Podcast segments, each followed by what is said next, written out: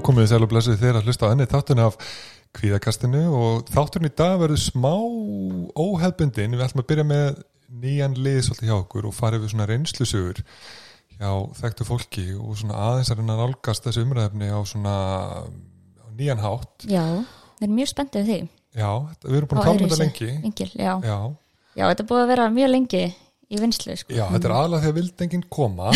Nei. Ég hérna, já, við heyrðum í Vilhelm Netto Já. til að koma og kíkja á okkur. Fyrst, Fyrsti maður sem við heyrðum í Aha. og hann var til þetta þurfti að tuði honum alveg í tvo mánu og svo sagði hann bara, já, hann koma endunum allavega en hann er sérst leikar og grínsti og ég held að þurfa alltaf að kynna hann meira fyrir alþjóð hvort sem það er á TikTok eða á sjóaskjánum eða í leikúsinu, hann er að nútum allt þannig að Já, ég held að svona, þú væri mjög góð quiz spurning svona, hver er þetta? Ég held að svona 80% af fólki myndu sjá myndaður og vita hver þú værir. Það væri er gaman, eitthvað- sko. Já, það er svona algjörlega. Og við kannski byrjum að taka styrtaraðalina fyrir Já, við erum með hérna okkar uh, góðu styrtaraðala Vörglas og Eimskip og Reykjavík Fótó var náttúrulega líka Mhm, að og líðhelsisjóður. Lýðhelsisöður styrkjökur og já, mælum náttúrulega alltaf með að að kíkja í, í sundlegarnar og gufurnar og, og hérna í ræktarsalinn og svona í, í vörglas og alltaf opna tímuna og svona. Ert þú í vörglas eða? Já, Já, ok. já ég er þar. Uh, Ég reyndar er ekki búin að mæta mikið upp á síðkastið en það bara að það var sýningar uh, bara þú veist, það var frumsningavika og svona aðdrændarinn því er náttúrulega mjög mikil vinna. En annars ætla ég að fara að byrja aftur. Við erum svona góð plani. Og svo er ég líka mikil Reykjavík kvótómaður sko. ég, Aha, já, ég kann að meta þau alveg Já. mjög mikið uh, kefti með þetta Ríkó vélina mína þar og geggjuð vel og múin að nota hana mjög mikið Þú ert á Vestlaðan Bjarka, hann að ég er ekki ekki fótó eða þú kannski þekkir ekki nefnin að þeim hann Ég er ekki orðin það góður að nöfnin sko. Það, það er á mig sko. það er ekki á þau Já, þau eru mjög flott þarna, Bjarki er geggjaður. heldur betur ég hérna, ef við bara fara að dempa okkur í þetta Já, endilega. sko, bara svona spurning hvernig maður byrjar en við vorum að spá og geti kannski sagt okkur aðeins frá bara svolítið svona bakgrunnum hjá þér. Þú veist, alltaf að fara Portugal og svona og hvernig, hvernig það var og hvernig stemningin var þar og, og svo framvegis. Já. Ég er sem sagt um, Portugali og Íslendingur. Um, Mamma er íslensk og pappi er Portugali um, Þótti séu náttúrulega líka bara orðin smá sitt hvori líka í rauninni uh, Ég ólst þar upp. Ég fættist hér en fór kannski nokkra vikna mánaða gamall til Portugals og var þar þangar til ég var 14 ára.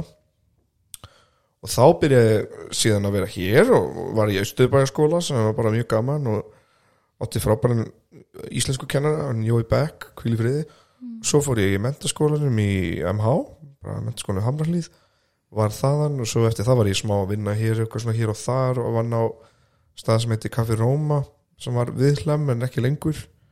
Og svo eftir það þá fór ég í nám í leiklistanám til Köpen eða ég sótti tvisar með í fekk tvisar neitun, svo var ég bara eftir það var ég bara, heyrðu, ég næði ekki að býða lengur.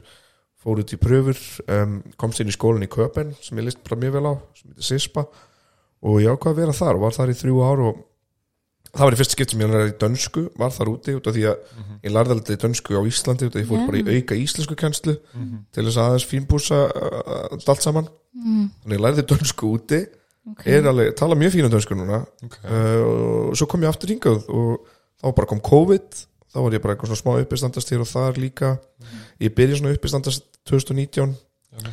svo í pásunni þá var ég, eða þú veist í COVID pásunni þá var ég að uppistandast kannski á netinu og, og reyna að vinna smá og byrja með hlaðvarpið Já OK.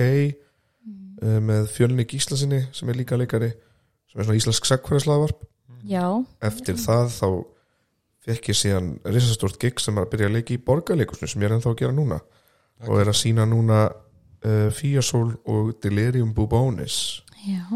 Það er nóg að gera með Vá, Já. margt að fara yfir. já, Ég, mér forvitin með svona, ef við bara byrjum frá byrjunum með flutningana frá, eða svona ekki alveg byrjunum, en frá Portugal til Íslands. Já, Þú varst 14 ára, það er Já. svolítið svona erfur aldur, eða ekki, það er það að flytja, að það er landa. voða skrítin aldur sko mm. fyrir mig og sýstu mína myndi ég segja sko að, það er bara líka erfitt þegar maður flytur í til Íslands jafnvel þótt maður tali málið sko maður kemur frá sko ég segi stundum sko allt of en þú veist, jafnvel þótt maður tali máli þá er maður að koma frá öðru landi maður er að koma í skóla, sérstaklega grunnskóla Mhm. þar sem allir er búin að þekkjast frá því í fyrsta bekk og maður mætir hann í áttunda bekk það er ekki, áttunda níunda bekk Einmitt. það er ekki ekki, ekki kannski, eða veist, jú það er kannski spennandi að sé einhver nýr í bekknum en það er ekki allir að fara að heyri þeirra fyrra bræði Nei. upp á að hanga saman og svona, ég man alveg ég, ég eignast mjög fína vinni þarna í Östurbæðskóla og, og, og, og tala ennþá við nokkara en um, í byrjun var þetta mjög mikið svona einhliða vinna hjá mér að heyra í krökkunum Fannst, finnst mér. Allavega í minningunum minningin getur verið öðru eða getur breyst Já. með Já, tíma já, algjörlega. En í minningunum þá var það þannig að ég var mjög oft bara eitthvað svona svona fatta allt í að ég væri að leggja mjög miklu vinnu sjálfur að alltaf að spyrja hvernig hvað væri verið að gerast og hvort ég mætti vera með og eitthvað svona þannig Einmitt. En hvernig fannst þetta úti, varst ennþá í sambandi við vinnina úti í Portugal? já, já, en þetta er náttúrulega sko þetta er mjög ég veit það ekki, þetta er mjög svona skrítin leið svona, já, bitur svona, svona, þetta er kannski ekki leiðminning en þetta er svona ég er náttúrulega bara, bara að fatta hvað þetta var líka aldurinn til þess að missa sambandið fólk Mhm. sem er þessi aldur þegar allir er að breytast Einmitt. já, Þú veist, 14 ára, svo ertu þú veist að fara að gangi í 16 ára, 17 ára, 18 og það er byrjar alltaf, þá byrjar boltin að rúlla af staði, bara hvernig manneskja þú verður og, og, og, og þá einhvern veginn fatta ég bara, ég misti af bara eiginlega stærstu momentum við, æskuvina minna í Portugal og var offsett til þess að ná stærstu momentum Já. nýju vina minna á Íslandi. Þetta var ógeðslega uh, já, skrítið tilfinning þótt maður náttúrulega reyndi að vera með og maður náði alveg að upplifa margt, margt með, með mentaskóla vinum sínum sko. þannig að það var ekkert alveg maður, maður, það, var ekkert resamissir þannig sem maður náði, náði alveg að upplifa sem er hluti.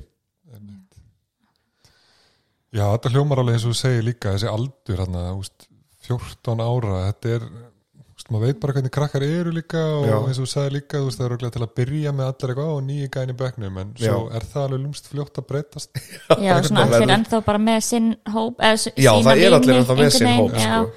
þannig að alveg hvernig svona fannst þér þú tækla þetta svona uh, frá svona andlega eða geðheilsuninni að, að upplifa þetta að þú verður að heyri fólki að fyrra bræði, þú veist, hafði það mikil áhrif á þig á þeim tíma eða já, ég held alveg einhver en ekkert eitthvað svaka stert ég náði eiginlega alltaf að halda þessu áfram eða bara svona að sigla áfram skilur maður er nokkur í einhverjum aðstæðum sem maður kemst ekki úr.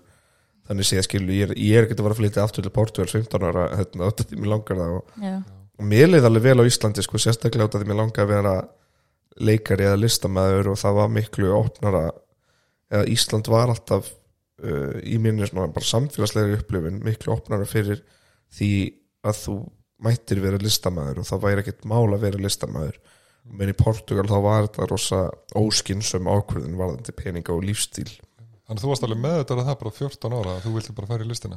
Já, já þetta kom mjög snemma hjá mér sko, bara þegar ég var krakki minni mig og ég fór að minna mín sterkasta minning og svona uh, fyrsta minning er bara að hafa séð ringjarnin í Notre Dame í Portugal og ég var bara, ég vil gera þetta og svo bara, þú veist, frá því að ég var krakki þá voru fóreldarnir mínir bara mjög stuðningsríkir og ég er alltaf bara, ég er alltaf og ég hef oft talað um það hvað ég þakkláttur fyrir það, sko, að hafa sett mig í leiklistaskóla bara fyrir ekki börn og þótt þetta væri ekkit alls ekki skinsamlega ákvörðin í Portugal og kannski ekkit skinsamlega ákvörðin yfir höfuð þá voru þau bara já, takk já áfram, skilju Eru þau bæði í einhverju svona listadæmi? Eru þau?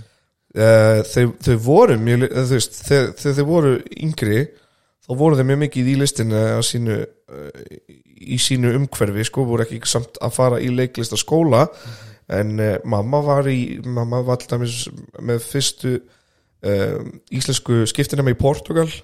Veist, og hún var í leiklistarhóp þar.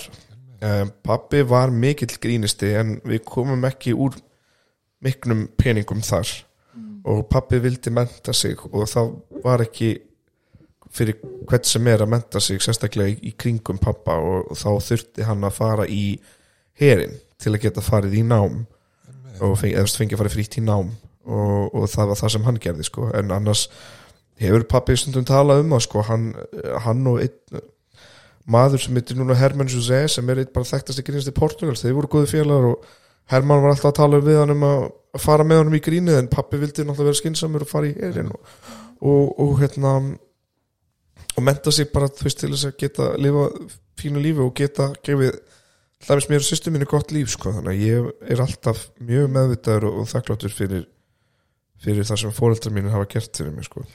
Maður hugsaður alveg stundum, ég held að séu rosa margi sem að eru svona vilja kannski vera að gera eitthvað annað einmitt eins og eitthvað listatengt en svo bara einmitt þetta skinsanlega er með börn og, einmitt það er ekki Já. peningur í þessu. Maður heyrir þetta oft hjá skjólstæðingu sem vilja vera eitthvað í listin en eru bara nei, ég ætla frekar að læra þetta því að ég þarf að eiga pening og eitthvað svona. Þetta er náttúrulega hefur líka bara verið mjög sterk umræða sérstaklega upp á síðkastið að, að það hefur verið miklu meira ef þú átt pening þá máttu fara í listina.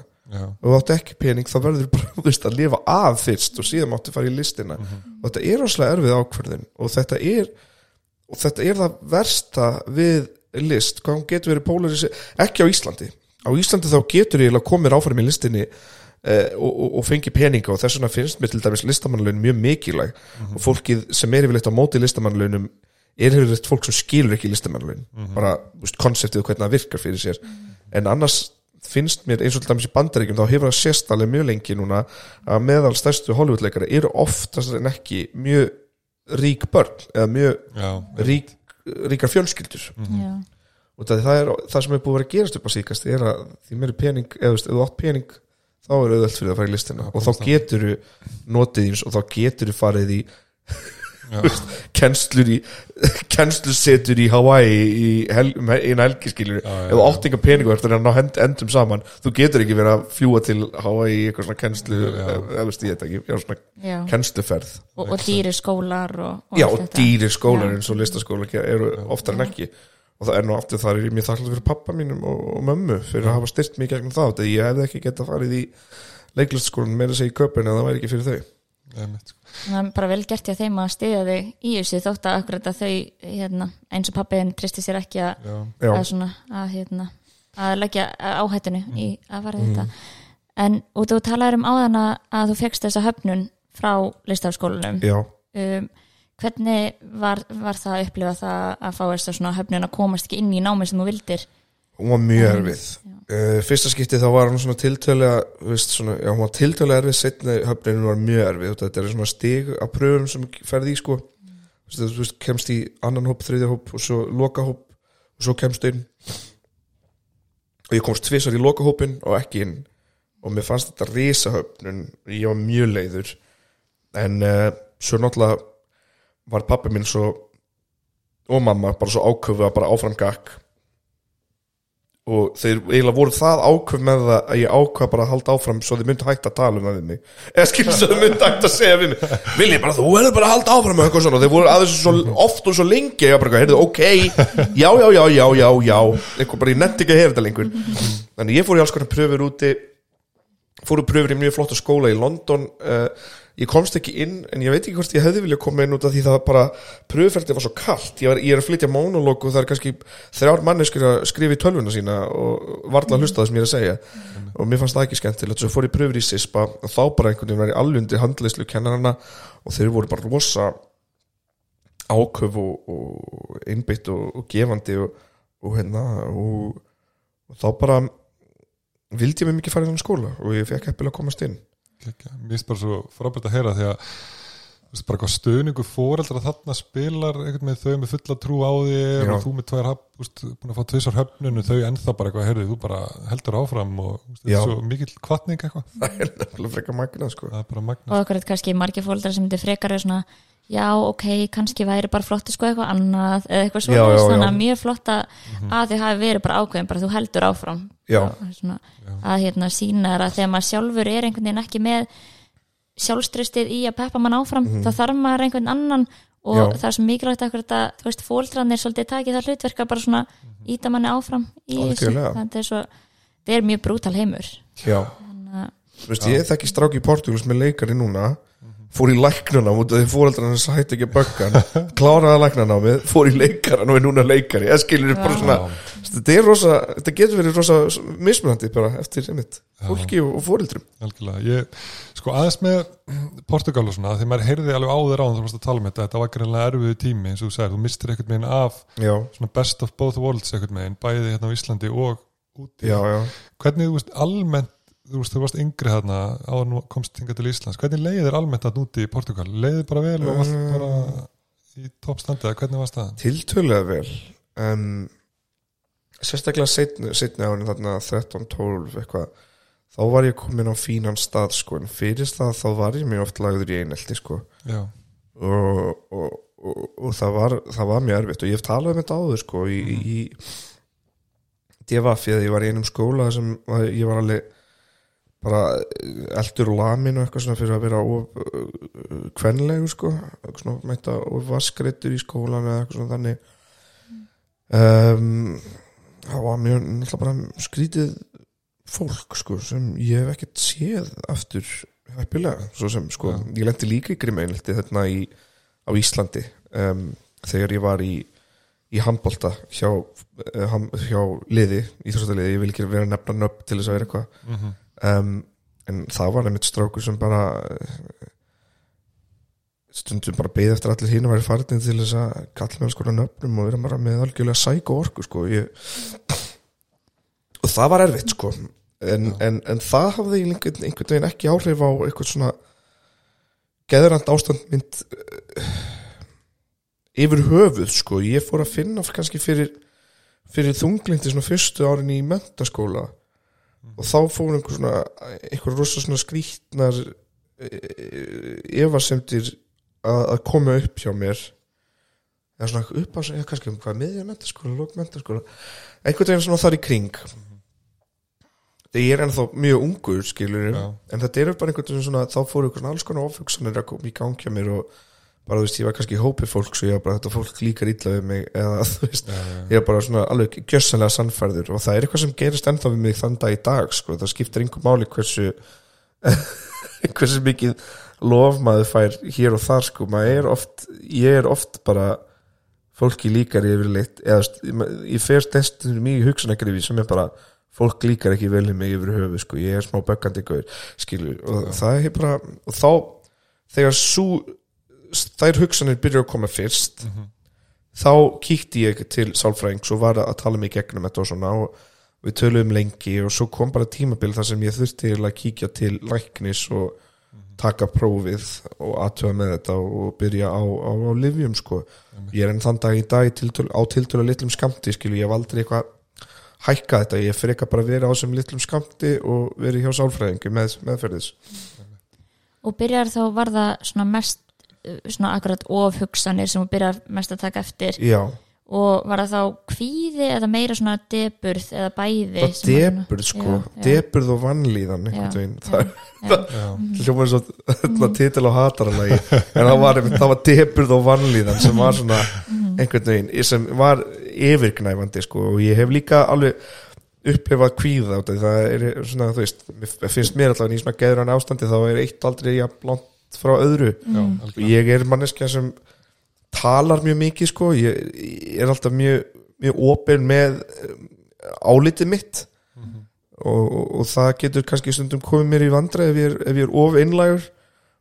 Og, og svo, svo er það náttúrulega líka kvíðavaldandi. Ef ég tala af mér og svo klukkutíma eftir og þá sé ég eftir að hafa talað af mér einhvern veginn og það bara svona fer líka í hugsana ringi en já, Nei, sorry, ég fór í allt aðra Nei, já, átt, bara, sko, nei, bara mjög, mjög En hefur ekki tengt, þetta hljóma náttúrulega skelvuleg reynsla þarna bæði einelti þarna úti og hérna heima. Já, finnst þú, finnst þú tengja það eitthvað þarna í mentaskólum í Hamralið, maður, mér veist í stundum heyrir þetta mitt og fólk, hljókur höfnun með eineltinu, þú veist, maður er ekki það að einhvern veginn að koma með skoðanur á mann, að maður sé ekki nógu góður eða maður er að gera eitthvað vittlust og já, svo kannski ertu komin í mentaskóla og ert að kynast nýjum og þá oft svona litast fyrir reynsla náttúrulega þarna yfir, fannst þú tengja þetta eitthvað saman? Sko, heppilega var fyrir var reynslan úr einheltin á Íslandi áðurinn ég byrjaði að mentaskóla uh, þetta nýja fólk sem ég kynntist var bara æðislegt Mm uh, jú, maður færa, maður fekk að líka svona höfn og tilfinningu sko, því að það var alveg meira, svona tildulega maður nýbyrjar kannski fyrstu tvö árin, þá var það veist, þessi borðamenning -hmm. og ég man alveg þegar ég settist niður á einhverju borðið, einhver manneski að koma og eitthvað, heyrði hvað, býða þetta einhverju með eitthvað svona, nei, er eitthvað þú veist, að ég bara, að, að því, að því þannig þær eru að koma hérna og þessi, þessi, þessi þú mátti eiginlega ekki sitt hérna, ég er eitthvað, ó ok, eitthvað skilur, þá svona þá Já, kom þetta þessi tilfinning já. aftur. Þá, og þá var þeim þessi rosaleg borða menn bara Já. veist, frátekki borð sem ég aldrei samþykti sko, en, en maður þurfti að ganga undir þessum félagslegum reglum. En, en, en svo sjálfur þú veist, svo sjálfur var ég smá þú veist, ég veit það ekki ég í mentaskóla árunum sko, þá var ég með var bara svo skrítnum stað sko, ég stundum leit ég stundum leit ég voða lítið á mig og stundum leit ég allt og stórt á mig í rauninni sko, það var bara að blanda þessu tvennu. Ég just að heppileg er ég miklu meira jafnvegi í dag í þessu hvað var það þetta sko en, en, en, en ég veit það ekki sko. Fannst þér að vera svona falskt líta stort á þig eða fannst þér að vera svona alveg bara virkilega þú leist mjög stort á þig svona á köplum skilur og þetta stundum ekki. svona reynum maður að svona einhvern veginn að bæta upp fyrir lága sjálfsmati með því að vera einhvern veginn svona heyrðu, já ég er bara geggjaður og sjáðu mig einhvern veginn já ég held að það verið það sko frekar en eitthvað annað. heldur en ekki, ekki eitthvað svona kannski einhverja svona mikilmennsku hugmyndir eitthvað um sjálfæði sem að vera eitthvað þú varst að trúa að einhver leiti eða svona, Nei, ég held að það var meira einmitt bara eitthvað svona að líka einmitt út af því að já, út af því að einmitt svona metaskólanum þá fór mig að ganga eitthvað vel og þá náttúrulega bara fór maður í eitthvað svona eufóriu skilur næstu því já, já, á já, já, akkurat.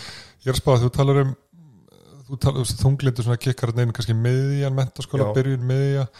Og Nína spyrði svona aðeins áðan uh, ég er bara svona forritin ég man bara sjálfu þegar maður er í mentaskóla maður var ekkert rosa mikið en til að spá í eitthvað svona andleri líðan og fólk bara eitthvað leitla eða vel og eitthvað svona. Hvernig hvernig grípur þú það þarna? Er það bara okkur nú eins og Nína var að tala um bara ég er að fá hérna fullt af einhverjum óþægilegum Já. neikvæðum hugsunum og það er svona fyrst þess að þú spottar bara. Já, því þá spottaði þetta sko. Ég hefði gengið, ég var búin að gangi gegnum svo margt skilur, í- með, með, með einhelti í Portugal og einhelti á Íslandi. Aldrei orðið eitthvað svona sérstaklega þunglindi við því. Mhm. uh, og svo allt hérna miðan mentaskóla það sem ég er í tiltölulega fínar aðstæður ég, ég er ekki að gangi gegnum neina hræðilegu þá þá einhvern veginn farið að herja á mig rosa sterkar hugsanir sko, og rosa sannfærandi hugsanir. Og það var mest óþægilegt við þetta. Það var ekki eitthvað sko það var ekki mér líður ítla út af þessu. Það var bara, þetta fólk líkar ekki við mig. Og svo mynd, ef ég myndi spyrja sjálfum mig af hverju, þá væri ég bara, ég veit það ekki ég bara veit það. Og það var óþægilega tilfinningin. Að, að, að þetta var bara, ég var búin að sannfara sjálfa mig um alls konar hluti og það bara, þetta fór ég er óspennandi manneskja þetta fólk líkar ekki við mig að því bara að því ég er bara leiðileg manneskja punktur. Já, já, og þá fór þessi hugsun einhvern veginn að koma sterkar inn. Og þá þurfti ég mitt að, bara tala við einhvern um þetta því að náttúrulega maður hafði hýrt um sálfræðing maður hafði séð það á, bara í, í þáttum og bíómyndum og, og, og, og, bókum og eitthvað svona. Og þá einhvern veginn þurfti ég að leita í þetta sjálfu sko. Og fannst þér svona fyrst þegar fórst í sálfræðings fannst þér að, að sálfræðingurinn náði að svona skilja vandaðin vel, fannst þér að þið voru með svona samilega skilning á því hvað var í gangi? Eða hvernig upplifur það að fara svona til sálfræðings fyrst? Upp, að, upp að vissu leiti sko. þetta, var, var góður sálfræðingur en ég veit ekki, en kannski ég veit ekki hvort hann hafi verið fyrir mig. Sem er svo erfitt að segja þetta með bara góð manneskja og líka mjög vel við manneskjuna sko, en, en bara svona veist, það breytist smá þegar breyti um sálfræðing sem var miklu setna já, já, já. en bara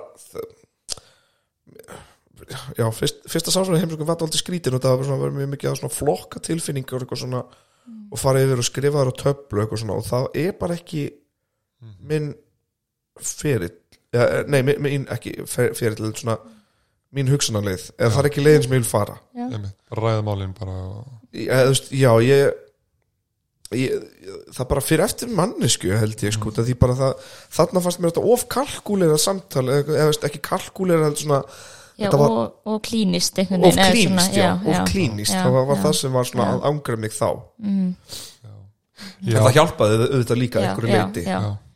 Já. manni finnst maður heyra þetta alveg oft og, eða svona einhverju leiti og úst, kannski fyrir suma hendar það bara einmitt vel og suma ekki, þannig að þetta er svona já, og maður þarf við þetta akkurat eins og þú segir, svo fórstu til annars sem að hendaði bara þér betur. Já, það er svo mikið akkurat sem að þarf að leitast eftir. Er, er, er hendar þessi sálfræðingu mér? Já. þannig að, að en, en já, þannig að fórst fyrst í sálfræðingsins og fórst síðan fórstu beint eftir til læknis eða var einhver tími Það var tími já, og svo- var farið til lækni sko, og bara eftir að maður var búin að ræða ástandið yfir, yfir höfuð í til þaula sko, þá, og fannstu góðan svona, náður góðum, góðum árangri eftir, eftir það eða, eða var það þegar þú hittir næsta sálfræðing sem á byrjar að ná svona betri árangri á ég náðu góða á, árangur eftir það sko, sérstaklega eftir að byrja á lífjum og komast Já. svona reglulega í þau. Já. um, ég hætti óvart á þeim þegar ég var í köpen ég glemti mjög mjög marga dag að taka þau ég ákvað bara að hætta út og ég var fín Einmitt. mjög heimskjölu pæling. Fólk, fólk náttúrulega sem hlustar á kvíðakastið veit það öruglega en, en bara svona bara FYI, mjög heimskuleg pæling. Svo, svo byrjaði aftur á þið sem var mjög gott sko, þetta sko ég hætti á þessu og hætti á liðum og var fín í nokkra vikur og svo bara kom tjúluð lagð tjúluð en svo byrjaði aftur á liðunum það var fínt. Og svo eftir ég hitti þennan uh, nýja sálfræðing þá einhvern veginn fór ég að geta að tala mjög opinskátt við hana um allt sko. og það, við tölum smá um það í bílnum áðan þegar ég fekk, fekk farhingað ég kann ekki að keira og, og, og, og um, eftir að ég hitti satt, nýja sálfræðingi þá fór einmitt þetta allt að, rúla stað sko, ég, ég, ég, ég, sagði, styrla á hana að þá þorði ég að segja allt. Einmitt. allt. Einhvern veginn eins vandræðalegar eða skömmustulegar hugsanir ég held þetta væri þá þorði ég að segja allt og þá var ég með tækt að byrja að fara yfir öllu. Og tók það tíma, þú veist, bara þegar þú hitti sálfræðingin fyrst veist, fannst þér taka smá tíma svona einhvern veginn að trista Já. aðlænum og svo bara eitthvað, já, ok, veist, við erum bara þeim stað, ég get bara trist henni fyrir öllu og já, fórum svona eins og ferðlega að hitta nýjan sálfræðingar að gefa alla baksögun að fara yfir hana alla og einmitt, eins og við erum búin að vera að gera núna. Já, já. Heimsækja þetta allt og svo síðan eftir það þegar við erum byrjað að tala reglulegra um dagstagleg mál þá get ég farið í uh, bara það sem er að herja mig mest sko, sem er yfirleitt bara einhvers konar hugsanir eða ránghugsanir eða ránkvömyndir eða einhvers svona þannig dæmi. Og það er það sem er best sko. Fekst eitthvað aðstóð, þú talar um ferðan bara til sálfræðing svona í kringu menturskólan varstu búin að fá eitthvað aðstóð út af því sem þú gegst í gegnum hérna úti eða þú varst komin hérna úlengadel, var eitthvað skólasálfræðingur eða eitthvað sem að það var bara ekki neitt? Nei. Ekki svo í muni. Og fannst þér þú ekki þurfa á því að halda já, nei, Já, örgli, nei, nei. Ekki, ekki það heldur skilur. Maður er bara, maður er unglingur eitthvað já, veist, lífið er Hollywood og maður er bara eitthvað í einhverju unglinga sjónvarstáttaserju skiljur haustum á sér og já, já, maður geta að pæla mikið í sálfræðinga þá sko, nei, held ég. nema einhver myndi segja við mann. Og meira að segja þá skilur hversu móttækilegur er mann en maður er ekki að leita í þetta sjálfur. Sérstaklega maður er unglingur. Eitthvað, allt í einhver fullanum manneski allar að tala við um tilfinningana þínar. Það er ekki stemning en maður er krakki. Akkurat, þetta þarf svolítið að koma frá akkurat. Já, Þannig sjálfum, já, manni sjálfum, annars er maður ekki alveg móttekilegur að einhver er að spyrja mann Mhm. mm. skonar spurninga.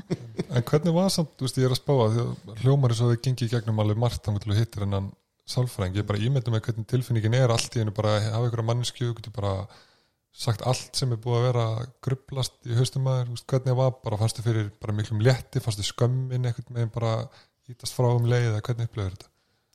Þetta var ekki þetta var ekki mikill létti skilur þetta var ekki svo að halda á á vatn þetta, þetta var ekki svo að halda á vatn fullan að bala og síðan bara alltaf taka allt vatnið út skilur þetta var bara eins og að einhver hefði komið með nokkuð vasklus og tekið smá vatn út sko og gefið Já. kannski hérna þú veist, eitthvað, eitthvað armband sem hjálpaði þær aðeins að halda betur á þetta eitthvað svona sko, Já, þú já. það var bara þannig. Já, sem er Gaf- kannski gott að, lýsa því þannig að þetta Já. sé ekki bara ó já, núna líður mér bara miklu betur bara leið að ég mættur einhvern veginn Nei, en nú er allavega byrjað já, að líða byrja aðeins, Já. já, nákvæmlega mér er byrjað að líða betur já. en ef við förum betur í svona líka einkenniðin svona fannstu fyrir, þú veist þessum oföksunum og svona, fannstu líka fyrir einkenniðinum svona í líkamanum þú veist, fannstu fyrir einhverjum svona bara sem við finna fyrir bara rosalega miklum eins og meldingafæra vesinni eða skjálta eða þú veist að maður byrjar að hérna, hjarslátturinn er alltaf bara á fullu þegar þú ert í skólanum eða svona byrjaður fannstu fyrir einhverjum svoleiðis enginnum heppilega fann ég ekkert fyrir miklum enginum þá sko. Þetta hefur þróast kannski að því eld, með eldri sem ég verð því augljósari verða líkamlega engi, enginin mínum megin sko. Stundum ég hef líka átt það til að borða eitthvað svona mikið ef ég verð stressað sko sem ég er svona að vinna í. Uh, og það hefur líka verið að ég hef svona ef ég fer í víðakast sko sem gerist nú ekki oft hefur ekki gerst oft, þá hefur það verið svona rosa mikið bara þú veist loka augunum og bara alveg hérna, vilja koma sér á aðstæður strax einhvern veginn. Bara þú veist ef ég er einhver staðar að loka augunum og bara alveg loka mig einhvern veginn í einhverju hotni jafnvel og bara ég vil, ég vil koma út, ég vil fara út, ég vil fara út ég vil fara út, ég vil fara út sko. Og það hefur ekki gerst sko oft. Ég myndi segja tvisar max tvisar þrísar max bara á æfi minni. En það hefur gerst og þá hefur það líst sér þannig. En það, hefur, það sem hefur verið mest sko ábyrjandi með árunum hefur verið þetta með mat sko að ég hef tengt að við að líða betur að borða mat en mér líður illa að fá mér einhvern góðan mat.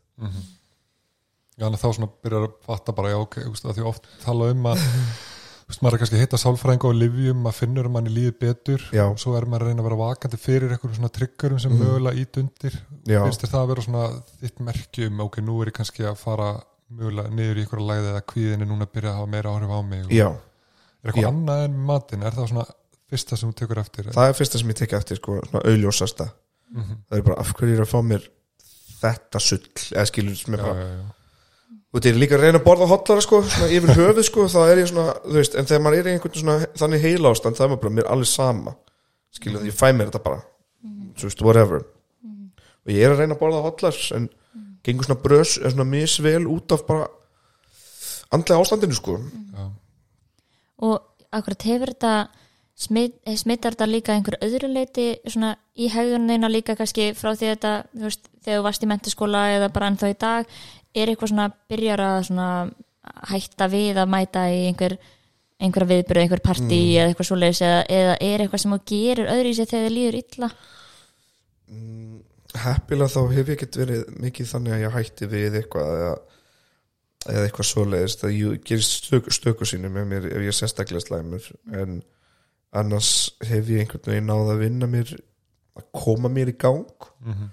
það er, ég hef alveg geta gert það oftar en ekki. En þá einhvern veginn þegar ég er í smá læg þá bara er ég smá svona lokaður af og vill bara helst vera í símanum að horfa YouTube eða TikTok og svona aðeins bara fá að vera í þögn. Og það er alveg nóg fyrir mig til þess að jafna mig sko. Já. Bara svo lengi sem ég fá að gera það í einhver tíma ekki tímyndur, það er alveg að vera bara góður tími til þess að leifa mér að þess að loka mér af. Og svo gleymi ég algjörlega bara ég, svo gleymi ég sem alveg að vera að stressa eða þú að vera þunglítur eða kvíðin þegar það er mikið að gera hjá mér. Þá er, þá er ég bara svo einbeittur að vinnunni að ég, að ég pæla ekki í því sko. En er eitthvað sem þú gerir þegar þú byrjar að, að hérna, fyrir utan að halda þér busy og alltaf, hérna, er eitthvað sem þú gerir þegar þú spottar að því að þú er greinlega búin að fá, þú ert búin að hitta sálfæðin eitthvað ræðamálin og svona þekkir þau örgulega mun betur í dag, búin eitthvað með að ná að koma all út og svona, er eitthvað sem þú gerir þá þú grípur þau svona í byrjun, ertu eitthvað svona, ok, nú er ég að detta niður hann að ég ætla þú veist ok, ég þarf kannski að kúpla með þess út eða ég þarf mögulega bara að halda mig svolítið busy. Ertu meðvitaður um þá og kannski ferð þá í eitthvað þannig, þannig feril? Sko þegar ég finn einhverja lægð koma uh, ég reyni ekki að gera mig uppteknum, ég held að það hjálpi mér ekki Mhm. en það er bara það sem ég, myndmáli sem ég hef oft sem ég nota alltaf fyrir mig og hefur virkað best fyrir mig eru bara aldirnar Mhm. Vistu, þá veit ég að þessi alda er að koma núna en ég veit að hún líður hjá líka Mhm.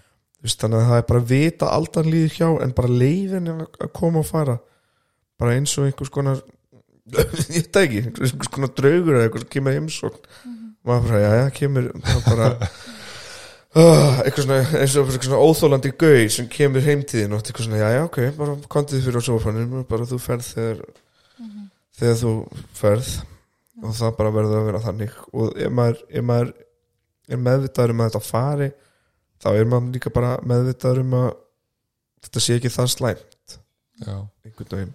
Mér finnst það mjög nálguna þegar maður heyrir ofta að fólk er svo það er svo stressa við að líða illa það kemur eitthvað svona bara kvíði bara heyrðu, nú lítur laðin að fara að koma og svo kemur hún og maður er einhvern veginn bara kvíðin yfir því og einhvern veginn í lægð sko. já, en ef maður er bara með þetta um það og þekkir sér vel og maður veit að hún líður hjá.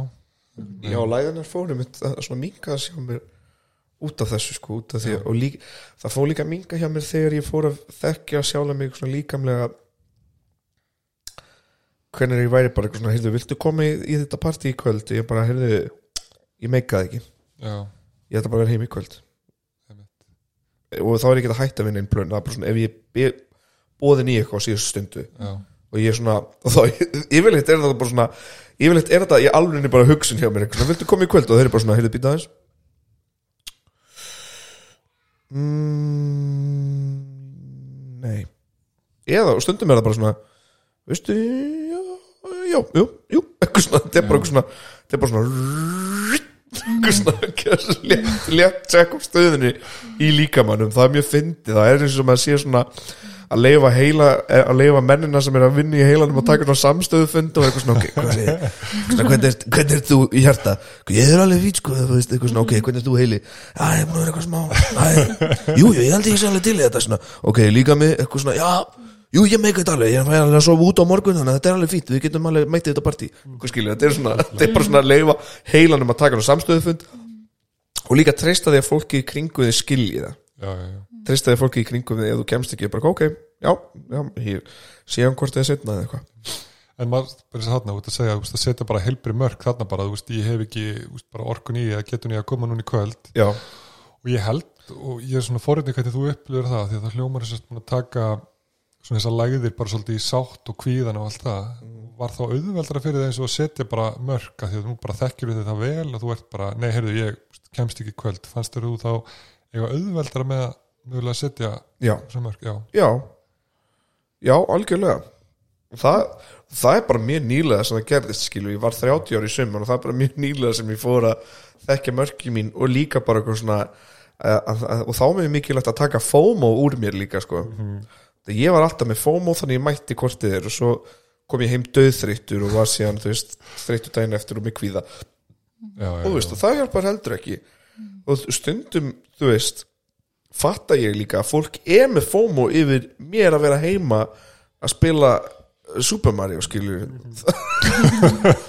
ég veit það er gaman í partíinu en þú var örugglega ekkert á móti að vera upp í sofa í Super Mario skilur já, það er þetta mjög góð punktur, sko En þú talar um líka áðan að- að þegar, hérna, þegar þú ert kannski ekki e, þarft að svona kannski að byggja upp svolítið aftur þína geðhilsu eða svona ert ekki á góðum stað Mhm. og þú varst að tala um að fólki í kringum við þurft að sína í skilning svona hvernig, hvernig hefur það verið gegnum árin svona með fólki í kringum þau að sína í skilning að hafa verið einhverju svona fordómar gagvart svona þunglindi kvíða einkennum þínum eða hefur fólk verið almennt svona stuðningsríkt? fólk er mjög skilningsrikt sko strákanir mínir eru mjög strákan, eða þú veist vinnir mínir eru mjög skilningsrikt með þetta og, og, og, og teirna mín kærasta eh, líka sko.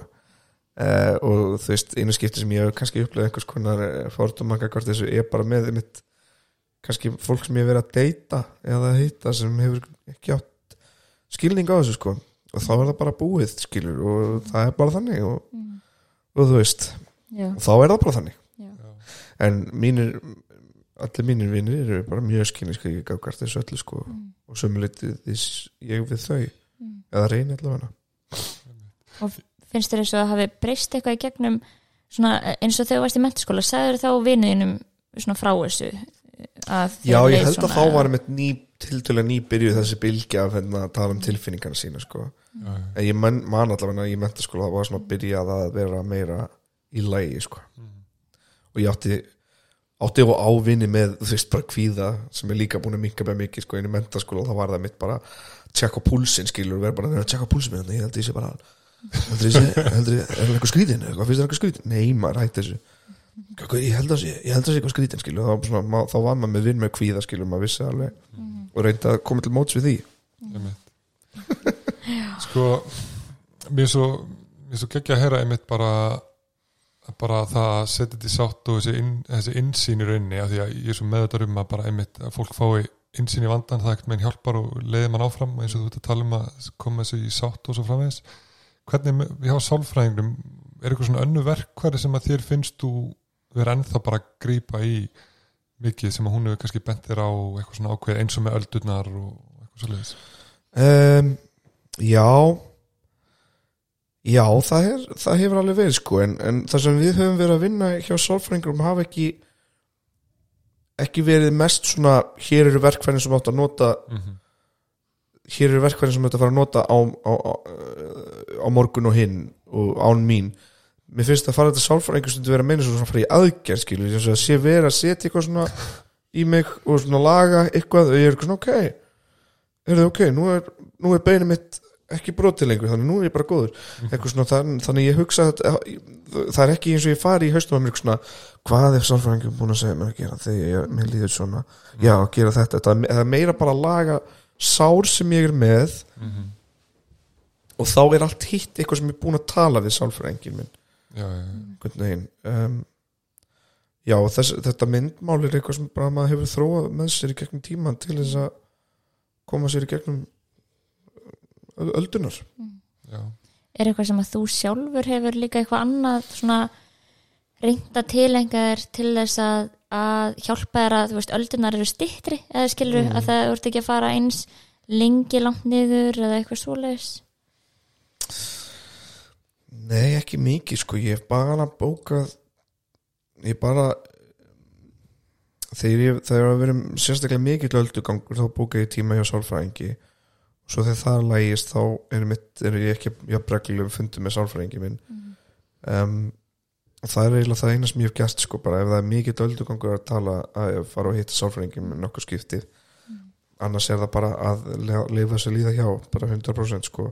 Og því meira sem ég leifa þess að líða hjá því stýttra tíma tekur það í rauninni. Mm og finnst þér svona já, að hjá sálfræðingnum að hvað finnst þér að við að og þú ert ekki að fara í einhver smáatri eitthvað en hvað finnst þér að við að fara til sálfræðingsins? Er það þá bara að fá hann á sjónarhorn eða er það að fara í gegnum þar sem að svona er í gangi og akkurat svona, hvað, hvað er það við að fara sem að þið finnst hjálpa þér?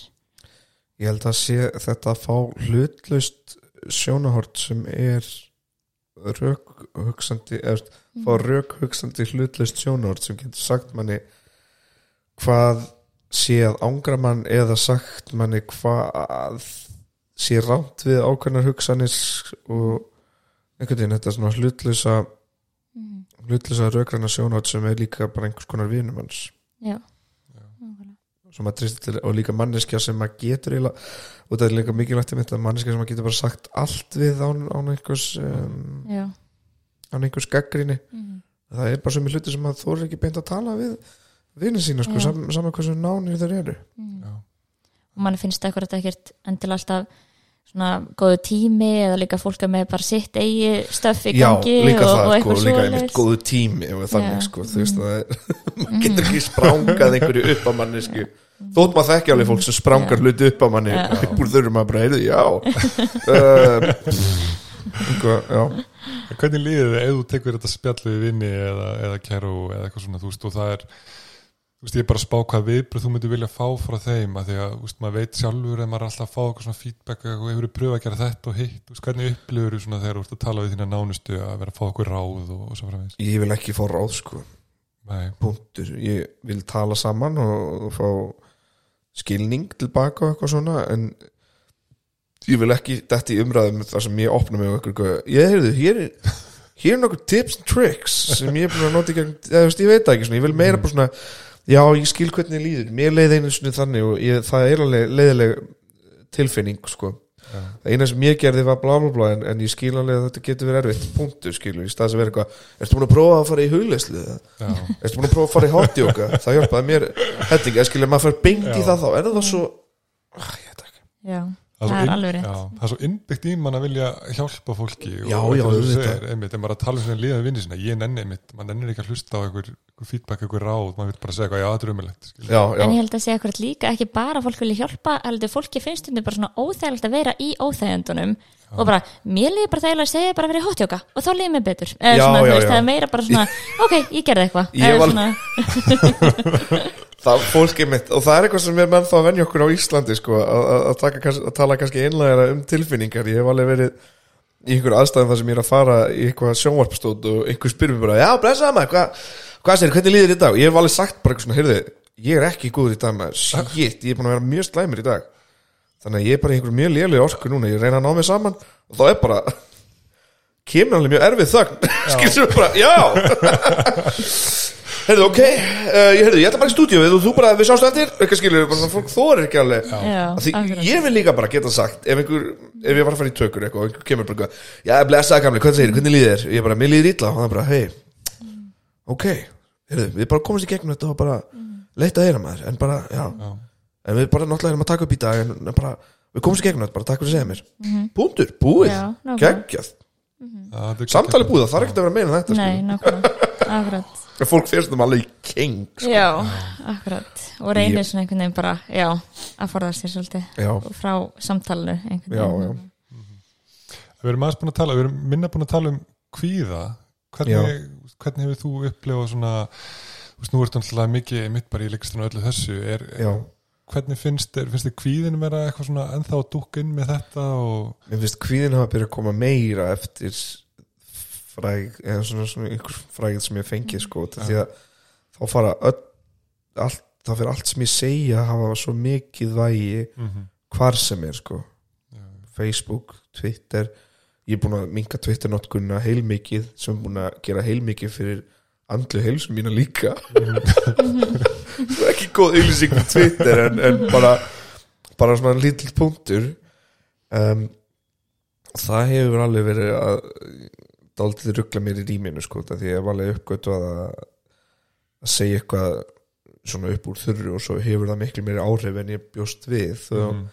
og yfirleitt er allir góðs en stundum þarf ég mjög mikið að hugsa hvað ég segi áður en ég segi það já, já, en svo koma önnur málefni sem ég ekki bara einfallega get ekki þagað um já, já. og svo hef ég náttúrulega bara þá verði ég hrættur um að þetta hafi áhrif á fyrirlin minn eða hafi áhrif á hvernig vinnu ég fæ ef ég tala of mikið eða læt of mikið heyri í mér skilur Það er mjög sorglegt að við erum svona, við erum þarna svolítið já, samfélagið. Bara, hérna, ef- við erum með starka skoðanir á einhverju sem er mikilvægt að, að það er samt svona hefur áhrif á kannski hva, hvað verkefni maður fær og svona. Og þetta hefur, haft, al- og þetta hefur alveg verið dálítið þannig með, með, með leikara sko, ég var með að tala um daginn bara í gær að ég kunni ekki að halda kjafti sko við, við, við leikara vinn sem var bara eitthvað svona ég, ég þú er aldrei að gera neitt svona ég er eitthvað, já ég stundum vildi ég óska þess að ég myndi þegar aðeins meira sko, en ég bara en stundum er bara samviskan einhvern veginn allt og sterk og ég get ekki haldið aftur í mér sko og það er það sem já. gefur pappa mínum til dæmis mest að áhyggjur er það sko. þannig að snýst svona kvíðin mest um þetta svona Já, þetta já. um að, að segja eitthvað sem að kemur vandræði og, og er, það líka ennþá eitthvað svona þegar þú ert að performa að fólki líkar ekki vel við þig sem, sem leikara eða skemmtikraft eða eitthvað, já, eða þú veist eða, eða ertu svona frekar laus við það að svona dómur á að þú sért ekki hrættu við dóm annara á þér í karakter skilur við mig? Ég meina ef fólk líkar ekki vel við mig sem grínist á karakter þá, þú veist, þá er ekkert mikið sem ég get gert sko, því með, minn húmor er minn húmor og það er ekkert voða lítið sem ég get gert sko, hins vegar er fólk líkar ítlaðið mig fyrir að að ég veit ekki, hins vegar er fólk líkar ítlaðið mig fyrir að segja eitthvað eða standa með einhverjum eða eitthvað svona, þá finnst mér þetta alltaf leiðilegra. En svo er spurningin skilur, vil ég vil ég standa eftir mínum gildum eða vil ég ekki standa eftir neinum gildum bara svo allir líki vel við mig Já, góða punktur. Nákvæmlega, mjög góð punktur þá er það rosa stór umræða og það hefur oftar en ekki hatta sér að því að ég stend með mínum gildum og reyna að tala þegar mér finnst eitthvað vera að.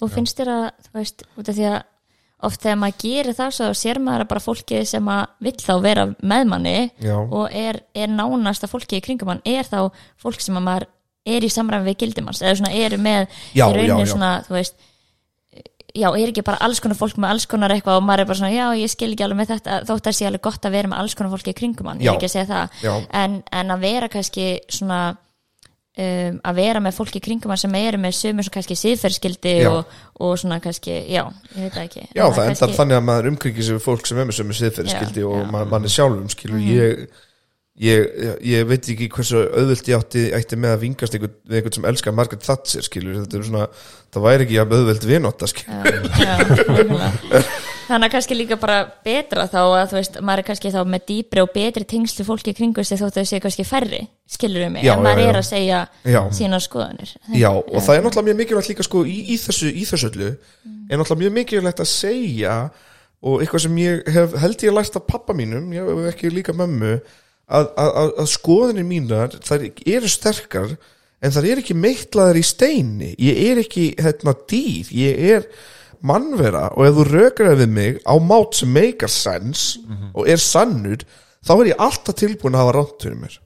Alltaf. Já. og það er alveg gæst að ég hef sagt bara, heyrðu já, og þá hugsa ég um portugalskan málsótt sem er Jacquino Stakinfolo sem er, já, sá sem talaði áðan er ekki hér lengur Eða, sem sagt, ég er ekki sama manneskjan sem er að tala núna og manneskjan sem var að tala áðan. Er sko já, sem er sagt í Portugal eða þau er rátt fyrir já. já, og ég hef alveg gert það skil, ég hef alveg aftur áttur með þá segir, heyrðu, þetta er rétt, já, sorry.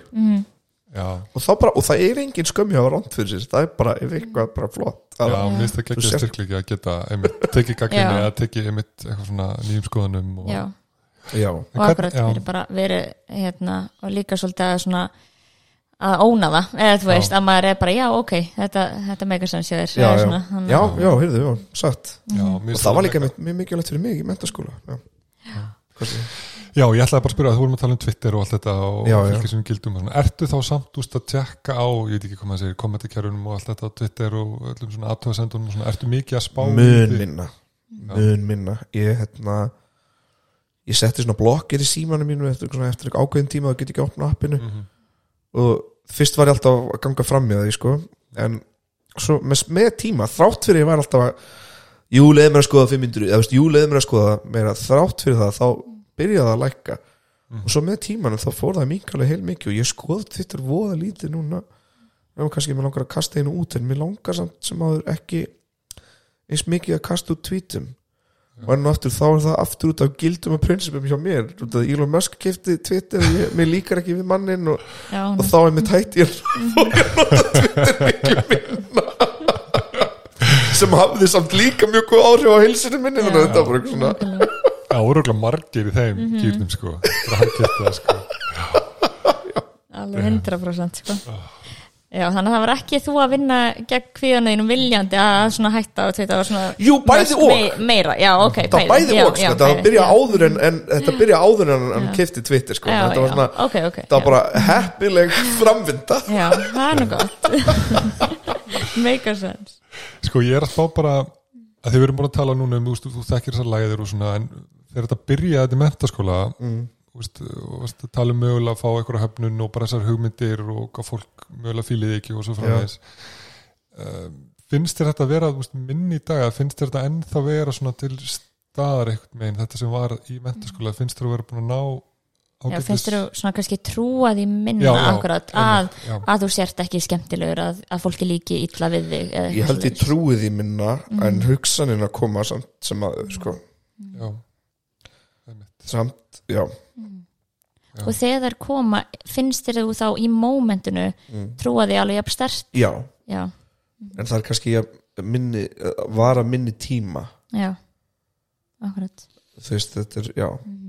Finn- þetta er eins og að fá sig, skilur maður er bara já, einhvern veginn maður kannski, já, þetta er verra en eða, þetta kemur, en þetta er ekki jafn stert Ég er að spá eins og með svona aðteglina, við sjáum oft eins og í kviðanum og í þunglindi að, að við svona, hún fer meira að fókusera á það sem við svona óttumst eitthvað megin, eins og til dæmis með höfnun. Finnst þú taka eftir að þú tekur meira eftir eitthvað svona lillum hlutum, eitthvað, já, heyrðu, hún er ekki búin að svara mér þetta messenger og finnst þú taka meira eftir þessum skilabóðum þegar þú ert komin svona í þessa læð? já, þá tek ég mitt, þá er bara allar reyfingar fólks Já, merki um höfnun og... höfnun eða þú veist? Bara eitthvað skilur það er bara hvernig mér er svara hversu, hversu hratt mér er svara hvaða tón mér er svara, hvernig er hort á mig hvernig er ekki hort á mig einhvern veginn að bara, Þessi neikvæða merkir unni. já, það bara fyrir allt í mitt bara, heilin fyrir á fullan en að réttlæta eitt eða annað en ertu þá með eitthvað svona markvist sem þú gerir bara eitthvað svona, ok, nei, nú ætla ég bara í dag að reyna að spotta kannski jákvæðmerki bara þegar eitthvað brosið til mín eða heyrir mér að fyrra bræði ertu þá, reynir að Já, já, þá tek ég, það- það strax sko, bara eins og einhver svona, algjört hitt sko, þá er- þá kemur það mjög stertinn þegar það kemur. Stundu líka bara, þá leifi ég alveg sjálf mér að loka mig smá í símanum sem, þú veist, þá er það bara ef ég er farin að ofugsa aðeins og mikið þá leifi ég mér að fara aðeins bara í, þú veist, að lesa fréttina og ta tala á messenger svo ég sé ekki að reyna að lesa andlit allra eitthvað neginn já, já. það make a sense. Ok, þá erum við alveg að svona klára okkar pælingar en ekki, eða svona Jú, okkar spurningar það, sko. það er kannski aðalega líka svona, ertu með einhver ráð fyrir aðra sem að eru kannski núna bara að upplega mjög, kannski mikla debur eða kvíða eða eitthvað svo leiðis hvað myndir þú segja um að kannski, já, hvað myndir þú svona, hvað ráð, þóttu vorum að segja ráð eru pyrrandi áðan? Gauður, þú bara svona- hot yoga. En svona, já, hvaða já, hvaða pælingar myndir þú svona setja fram? Það sem ég hef gert sko sérstaklega, mér hefur alltaf þótt væntu það sko, þegar einhver þú veist, gaurar eða fólk hefur komið að mér á djamminu og byrjað að tala um mandlega hilsu sem er alveg allt í lagi sko, kannski ekki besti staðurinn til að tala um það en mér finnst samt sem að væntum að fólk spyrja mig um, ég mæli náttúrulega bara fyrst og fremst með að finna góðum sálfræðingi skilju, ef, þú ef þú ert ekki ofis, ef, ef þú ert ekki viss með sálfræðingin þá máttu skipta skilju, það er gott að vita það. Það, það getur kæst líka, ef maður er kvíðin og með þúglitið eitthvað, þá vil maður ekki velda fólk, valda fólki frá vombriðum hvað þá sálfræðingum sínum þannig að það er allt í lægi að skipta um sálfræðing ef það er ekki að, ef þú finnur að það er ekki að hjálpa þér það mikið. Það, það, eru, það, það er hægt að finna sinn sálfræðing. Já, uh, það er bara eitt, mitt svona fyrsta aðalráð. Og svo annar ráð mitt er bara einmitt að reyna stundum að minka netnotkun. Það er bara, ég hef þurft að gera sjálfur. Og ég er ennþá að reyna að laga það. Og því ég er alveg mjög fastur í netinu sko. og ég hef alltaf fundið því minna sem ég gera það því betur líður mér yfirleitt sko. Þótt að sem skrítið ráð frá mér sem komir áfram á netinu þá það. Er þarf að finna, finna jafnvægið í þessu einhvern veginn. Það er mjög, mjög góð ráð. Það er alveg, þetta er það já, sko. þótt, já, þóttu við, við höfum ráð. Það var þetta mjög góð ráð. Nei, mjög, mjög góða ráðleggingar alveg svona, já, þetta er, já. og líka akkurat með sálfræðingana að við sem sálfræ, sálfræðingar í Já, að við getum alveg sagt að ég segi þetta í hverjum einasta, eftir hvert einasta greiningaviðtal, ég reyna minna, eða svona mun eftir að segja þetta er að ef að það er þannig að þú finnur ekki tengingu við mig að þá bara er ekkert mál að annarkort bara heyra í rítornum eða heyri mér ef þú, þú ræði því bara og bara að ég væri til að prófa einhvern annan. Og við tekum því ekki persónulega. Þú veist að þetta er Já. svo mikið við erum með ólíka stíla, ólíkar, ólíkan persónleika, þú veist við, þetta er líka svo ótrúlega mikið svona jafningja mannlegt svona bara samtal sem að á sér staðna hjá sálfræðingi, þú veist að auðvitað þarfti þá að tengja aðeins við manneskjuna, þú veist og þarft að vera, finna, finna að þú tristir henni og finna að hún er með svona nálgun sem að hérna, henda þér, Já, þannig að þetta er alveg mjög mikilvægt sko. svo eru líka bara úst, fólk sem er kannski á sálfæring út af einhverju einu en svo kannski er einhver annar sálfæring sem hendur betur með Já. eitthvað annað umræfni þannig að þú veist, það er Já, já, líka, líka þannig sko. en ég einmitt, já, talandi um eitthvað svona þú veist, en mann fyrsta ári sem maður var að byrja að vinna þá, ég manum að hann fannst lúmst óþægilegt þegar fólk var bara eitthvað, ég ætla bara að fara til ykkur annars. En, þú veist, en, en í dag er þetta bara eitthvað að því að maður vill bara fólki líði vel og fólk, maður vill að fólki tengi og hérna, þannig að það skiptir bara miklu máli. En ég, það sem varst að tala um þessi ráð, mér geggið að, en það setur rosa í mér mér finnst það svo gott hvernig þú ert bara búin að taka þetta svolítið í sátt. Mér finnst það svo, svo, svo geggjaði punktar sko Já, ég held að það skiptir svo miklu máli bara hjá fyrir fólk að, einmitt, að ég upplýði svo rosátt að fólk sé eins og ég sagði á hann, svo hrætt við þessar lægðir og, og megi ekki liða illa mér líður sem á kvöldin og eins og það sé alveg eitthvað svona hræðilegt eða, Gauður, það er mest líklega tíminn til að gera illa sko. já, alveg 100% Já. en bara eitthvað svona, já, þú veist, þetta bara kemur en svo er bara aldan bara, hún heldur bara áfram hún er ekki stopp hérna bara og, Nei. en eru við með eitthvað meira? Nei, bara alveg bara þetta var ótrúlega fræðandi og skemmtilegt fyrir okkur að fá svona annan vingil að Mhm. einhver, einhver sem að hefur hérna bara þessa reynslu. Þannig að takk hella fyrir komuna. Takk Já, fyrir bara, að koma. takk fyrir mig